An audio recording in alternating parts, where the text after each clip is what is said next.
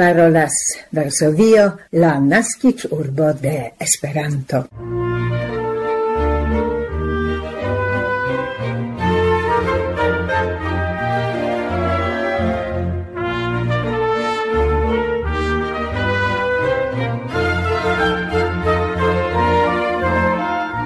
Coran saluton, carei auscultantoi, en la lauvica Esperanto el sendo el Varsovio. Hodiau la dec quinan de novembro du mil dudec tri jam la 1283an foion. fojon. Audiras nia programo, por kiu invitas vin Barbara Pietrzak, Milada Szwedo, Krystyna Grochocka kaj Maciej Jaskot. Krom tradiciei kultur kronika informoj kaj Esperanto komunuma segmento, ci foje ampleksa, ni felietonos pri polaj fagoarbaroj en la nacia bieszczade parko, kiu troviras en UNESCO listo. Atingis nin antaŭ kelkei tagoi la informo pri la forpaso de nia longihara fidela auscultantino el antau reta epoco tertu tinele cae adiaue al si cae omage al sia memoro ni memorigas san documenton en kiu si rencontigas ante unia microfono. En la comenzo bonvolu conatigi con niei cultur cronica informui.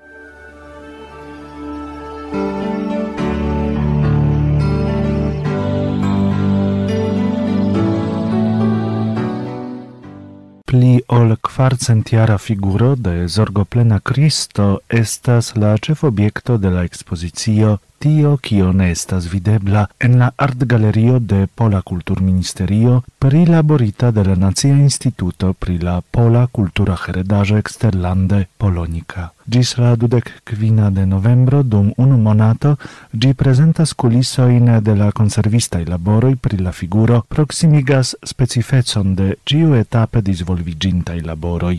La jus menciitan sculptajon la unuan foion eblas rigardi de proxime, char gi cutime cronis la 30 metran cupolon de Boim familia Capello en Lvovo. En 2021 la pesanta 280 kg in figuro estis demontita kai transportita al Pollando, kie gi estis subigita al la ĝisfundaj esploroi kai conservado la malfru renesanza capello de Boim familio, situanta apud la Catolica Catedralo en Lvovo, estas unu el la plei valorei antiquajoi de la urbo. Neniam gi estis aliconstruata au modifita, dan calcio gi estas autenta exemplo de la decsep iarcenta architecturo cae sculpto arto. Gi estis construigita de Lvova drap comercisto, urbo consilanto cae secretario de Regio Stefan Batore, kiel familia mausoleo. Actuale la capello estas la filio de la Lvova Nazia Art Galerio.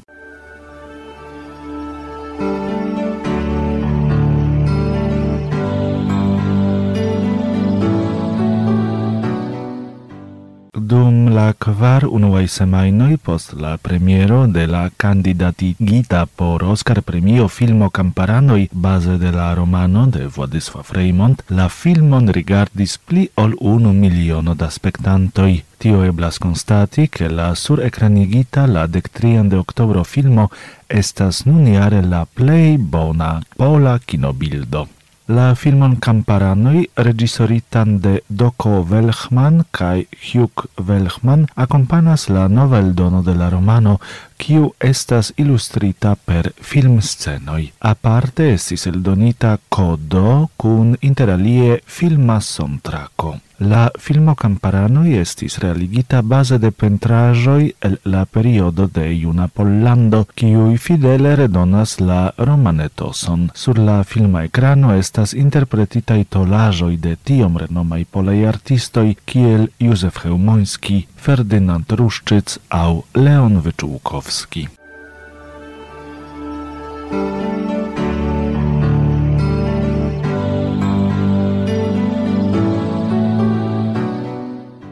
Ni daŭrigas la programon de la Polare Retradio.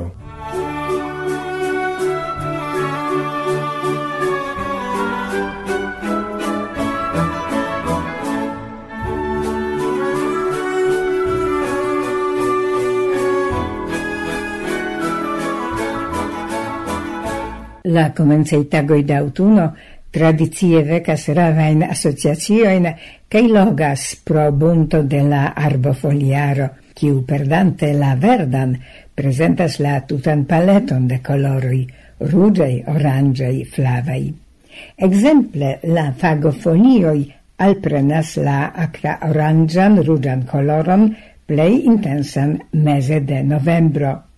Nun de primulto de la arboi la folioi forfalas, sed ne de la fago. Ili verdire perdas sian autunan, acra orangian rugian coloron, cae farigios brunai, sed forfalos nur tiam, ciam printempe fago aciros novain plantidoin. Cae ciel hodiau pri fagoi, chas dis nun ni ne parolis versaine pri tio, che la polei fagai arbaroi ec de 2021 trovigas sur UNESCO listo. La tagarbaroj kun la origina caractero troviras en la montoĉeno Bieszczady, Bieszczadoj, pli precize en la Bieszczada Nacia Parko.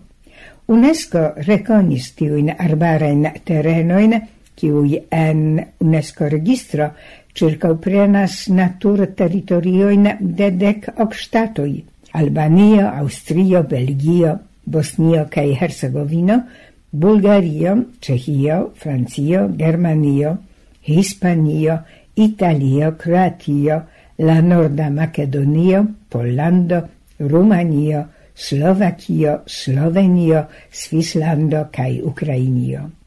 Dank alla registro el 2021 la polaj bieszczadoj farigis loco pli bone rekonebla kaj turisme alloga la fagoarbaroj cun la origina caractero de la Bieszczada Nazia Parco caracterizigas per alta grado de naturezzo cae estas protektataj ec ekde 1950 okaj jaro.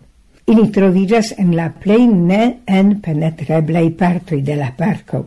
Multei estas pli ol cent kvardek jaraj, kai la plei malnova fago en la parco havas ec pli ol tricent sesdek jarojn. Tiui fagoarbaroi sur la territorio de Pollando estas samtempe escepte exemplo de ecologiei cae biologiei procesoi essenzei por la evoluo de plantoi cae bestoi. Valore si che fago havas apartan expansi historion, Gi comencigis antau dec du miliaroi fine de la lasta glacera periodo.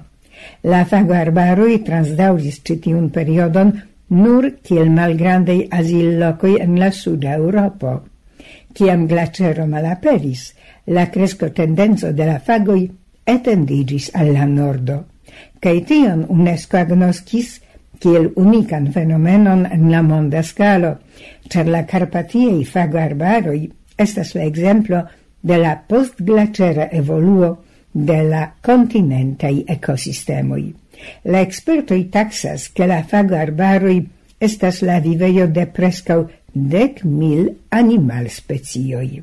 Do sekvu nun kelkaj pliei vortoj pri la Bieszczada Nacia Parko, situanta en la plej ekstrema sudorienta parto de Pollando, en la montoceno de okcidentaj Bieszczadoj, la plej okcidente troviĝanta parto de la orientaj Karpatoj.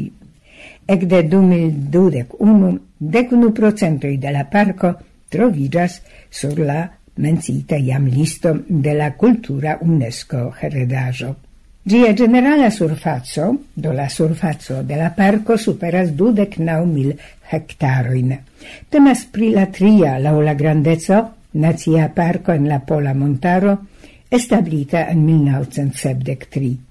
Gia simbolo estas la pli granda Europa cato, linco, kiu estas la pli granda Europa rabo mamulo, post urso kaj lupo. Circa 80% de la parco okupas mixitei foliarbaroi, en kiuj aperas ancau abioi kaj piceoj. Prescau 70% de tiu surfaco estas stricte protectitei sur la altezzo de 1150-1250 metroi super la mar nivelo etendigas unicai cae nerencontatei en alia regiono de Pollando orient Carpatiei herbeioi, sur kiui gis la quardeca iaroi de la passinta iarcento oni pastis brutoin. La herbeioin surcrescas plurei plantoi mal ofta aperantei ali regione au entute neaperantaj.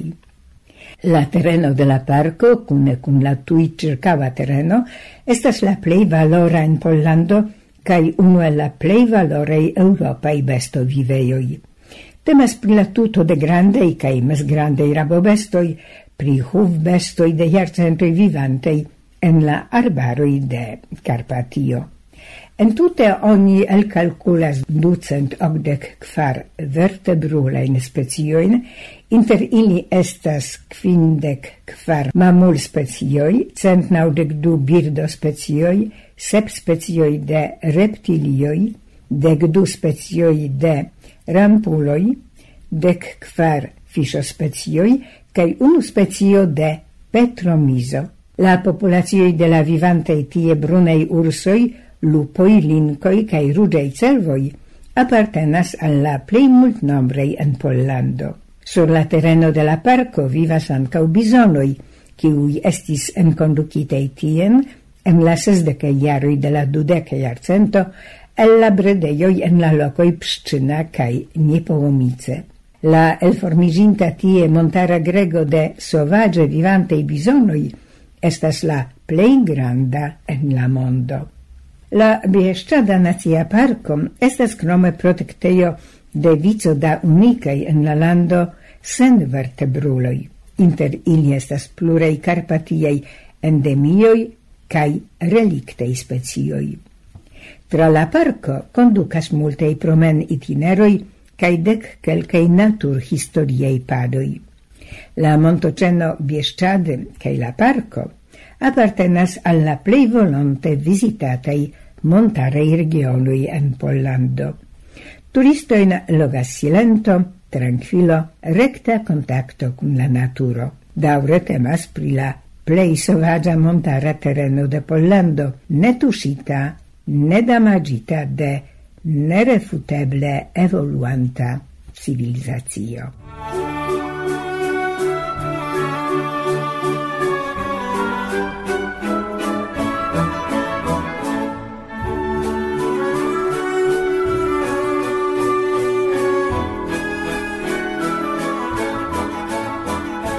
Vi audas la programon de la Esperanto-Radio Varsovio.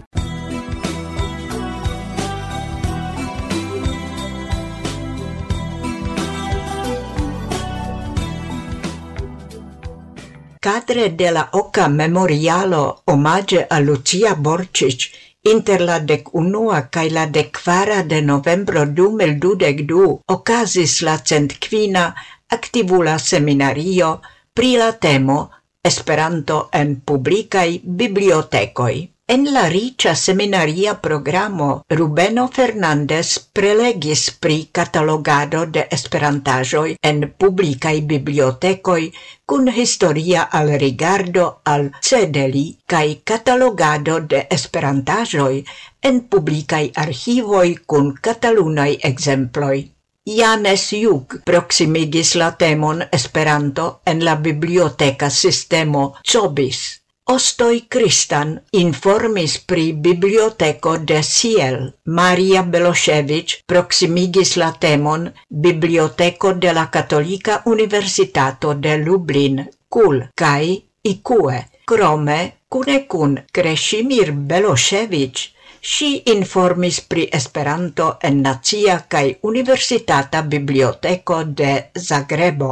Roland Rocaer proximigis la temon Esperanto en Esperantaj kaj neesperantaj bibliotekoj kaj arkivoj en Flandra nederlandlingva parto de Belgio. Doi Hirokas informis pri Esperanto-muzeo en Yokohama Zofia Corodi dedicis sian prelegon alla Esperanto-sekcio en la publika urba biblioteko en Herzberg am Harz kaj biblioteko de Esperanto-centro Herzberg. La lastan tagon, last marde, Pascal Dubourg Glatigny prelegis pri transiro de asociai al publikaj bibliotekoj. Gabriela Skonieczna informis pri la nuna situacio ĉe nazia Biblioteko en Varsovio, post kio Bernhard Twider proximigis la temon Esperanto Museo kai collecto por planlingvoj de la Austria Nacia Biblioteko. Dom kvar tagoj en tutte dek quin prelegoj. La eventon estis kvardek kvar personoj el dudec du landoj Austrio, Belgio, Brazilo, Bulgario, Burundo, Cechio, Cinio, Francio, Germanio, Hispanio, Hungario, Italio, Japanio, Coreio, Croatio, Pollando, Reunio, Russio, Slovenio, Svislando, Ukrainio, Usono. Memorialon amo seminarion inauguris Stefan Magil cun la cesto de la estrarano de UEA Jeremy Zabiumva. Alla partoprenantoi aligis ancaula presidente de UEA Duncan Charters, crom la facei prelegoi la evento estis bona ocaso interchangi la opinioin ca espertoin pri grava parto de la esperanto culturo ca Esperanto-heredaĵo.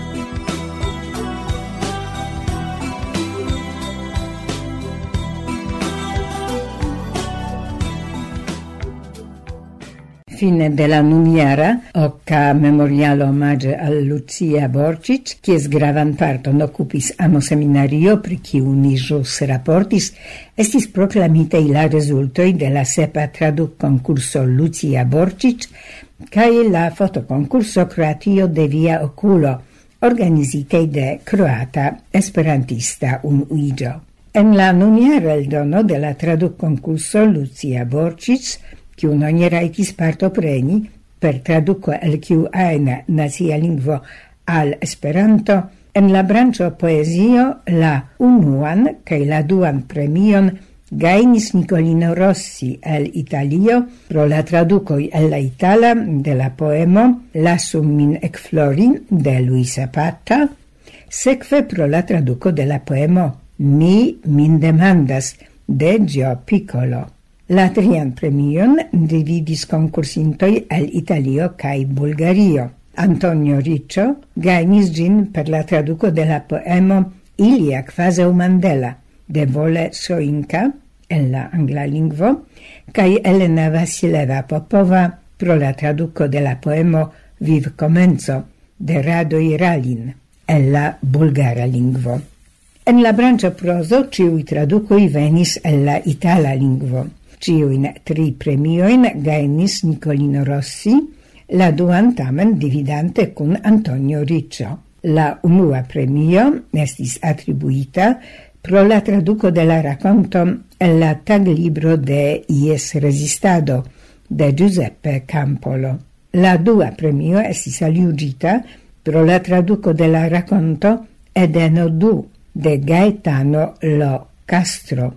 Nicolino Rossi cae pro la traduco de la racconto La fantoma pianistino de Veronica Galetta, traducis Antonio Riccio. La tria premio honoris la traducon de la racconto La domo del neado de Marina Chelini. Samtempe estis annoncitei la resultoi de la kvara fotoconcurso Croatio de Via Oculo, en kiu premioi estis attribuitei en la categorioi – urboi, naturo, sacralei temoi, monumentoi, homoi cae vivo, historio. La genintoi estis Liba Gabalda el Francio, Giuseppe Valle el Italio, Agnes Raczkevi Etfos, el Hungario, el Mabalta el Bosnio cae Hercegovino, cae Giovanni Gazzola el Italio.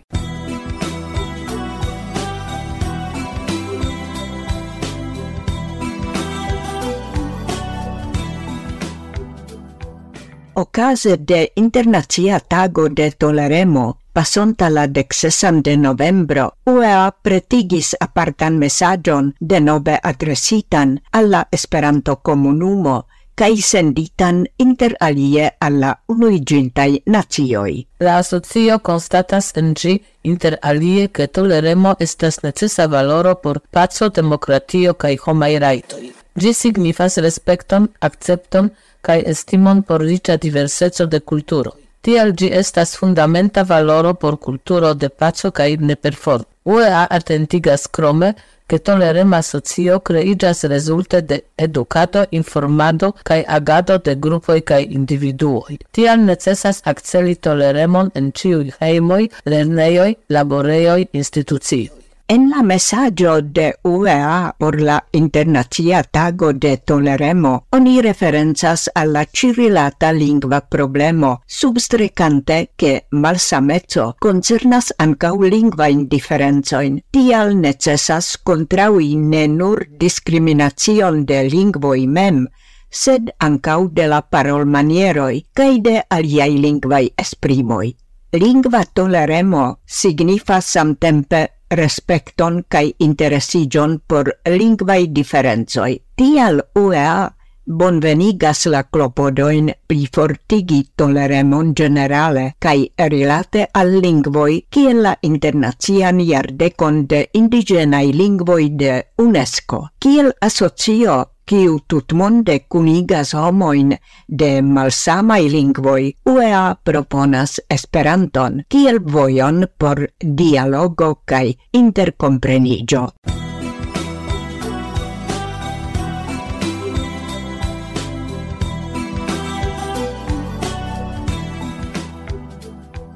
parolas pola retradio en Esperanto. Kun profunda malgioio ni ricevis informon pri la forpaso de nia longdaura aktiva aŭskultantino kaj kunlaborantino de la Esperanto-redakcio de Pola Radio Tertu Tynele el Finlando.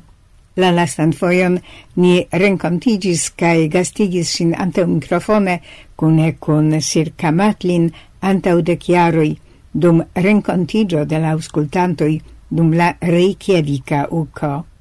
Per fragmento de citiunia lasta interparolo ni volas adiaui sin cae danki pro valora contribuo cium tertu alportis al nia iama cae nun daurigata laboro.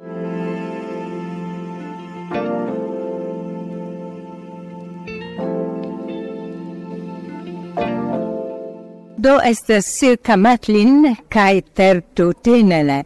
La nomo de Tertutinele tinele estes conata alla plei malnovai auscultantoi, sed mi tre che via voĉo cae kelkaj viei opinioi pri tio mi faris en la antau reta epoko estu nun ankaŭ dividitei kun aliei. Nu, tiam mi estis eh, vere aktiva auskultanto kaj kompreneble tui kiam mi komencis lerni Esperanton mi auris ke temas pri pola radio kaj mi komencis aŭskulti kaj poste tute aktive ankaŭ kontribui kaj mi eĉ estis en Pollando kaj en la reakcio sed tio jam estas for, mi ne havas la reton kaj tiel plu. Do, kio ni mi komprenas. Tia mi memoras vian kontribuon, dankan kontribuon, pro iu gagnita premio, ke vi faris tion bonege en la lingvo finna, ja tiam, ancora en pola radio publica estis eh, finna redazio en Esperanto, sed ja anca en la pola lingvo.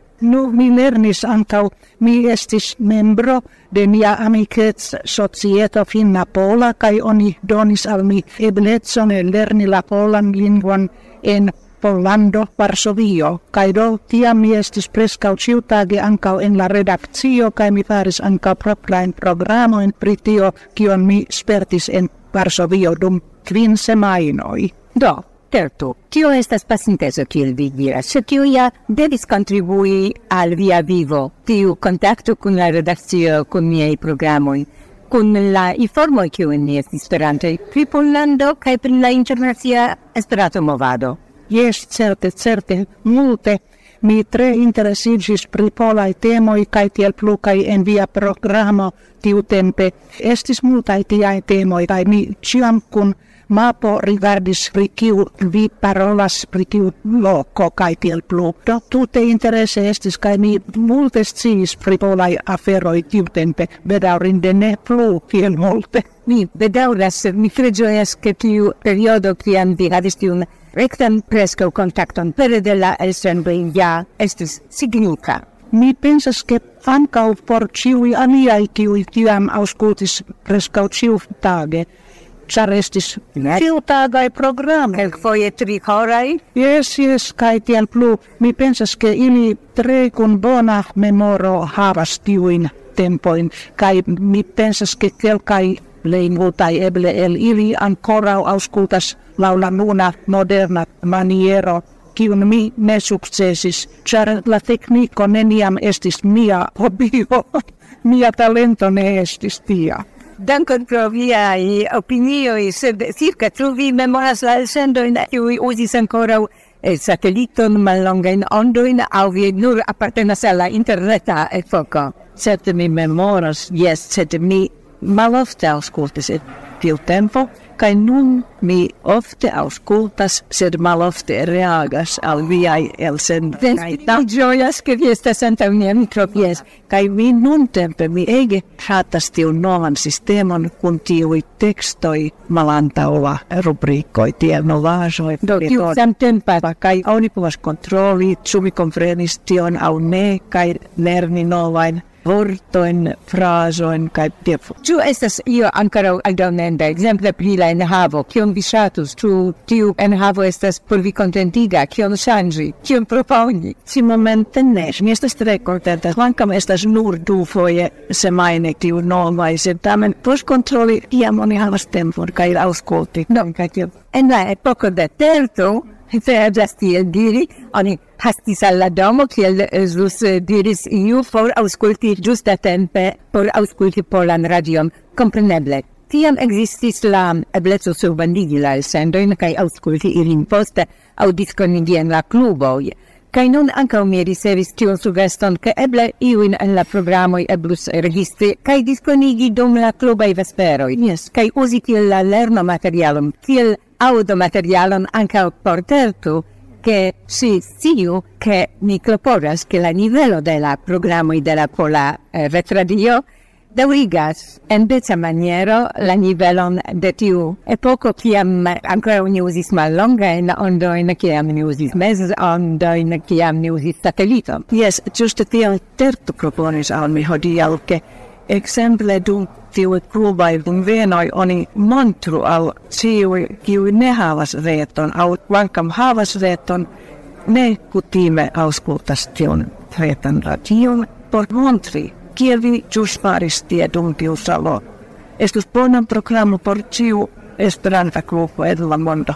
Semi bone audis en tiu nia conveno kiu jus finigis, Ciu estis Leopold Patek, Jes, ankaŭ. Kaj tiun nomon mi memoras, mi, mi tute ne konas la signoron mem, sed li estis aktiva ankaŭ tiutempe kai aktiva et nun. Vestulo, la plej moderna kiu reklamis la esperantlingvajn elsendojn aŭskulteblajn per la poŝtelefono. Kaj mi proponas, ke Tertu aĉetu nova poŝtelefonon por Paula Aŭdi. Mi dezirus, ke vi havus tiun ŝancon. Jes, Danikon.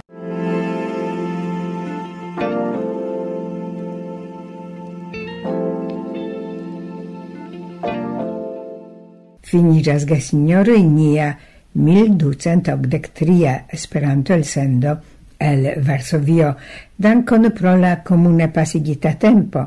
Se ĝi estis plezura, instrua au inspira, nepre informu nin pritio kai subtenu nian laboron, porque ke el sendo estu ciam pli interesei cae allogai. Gis la raŭdo.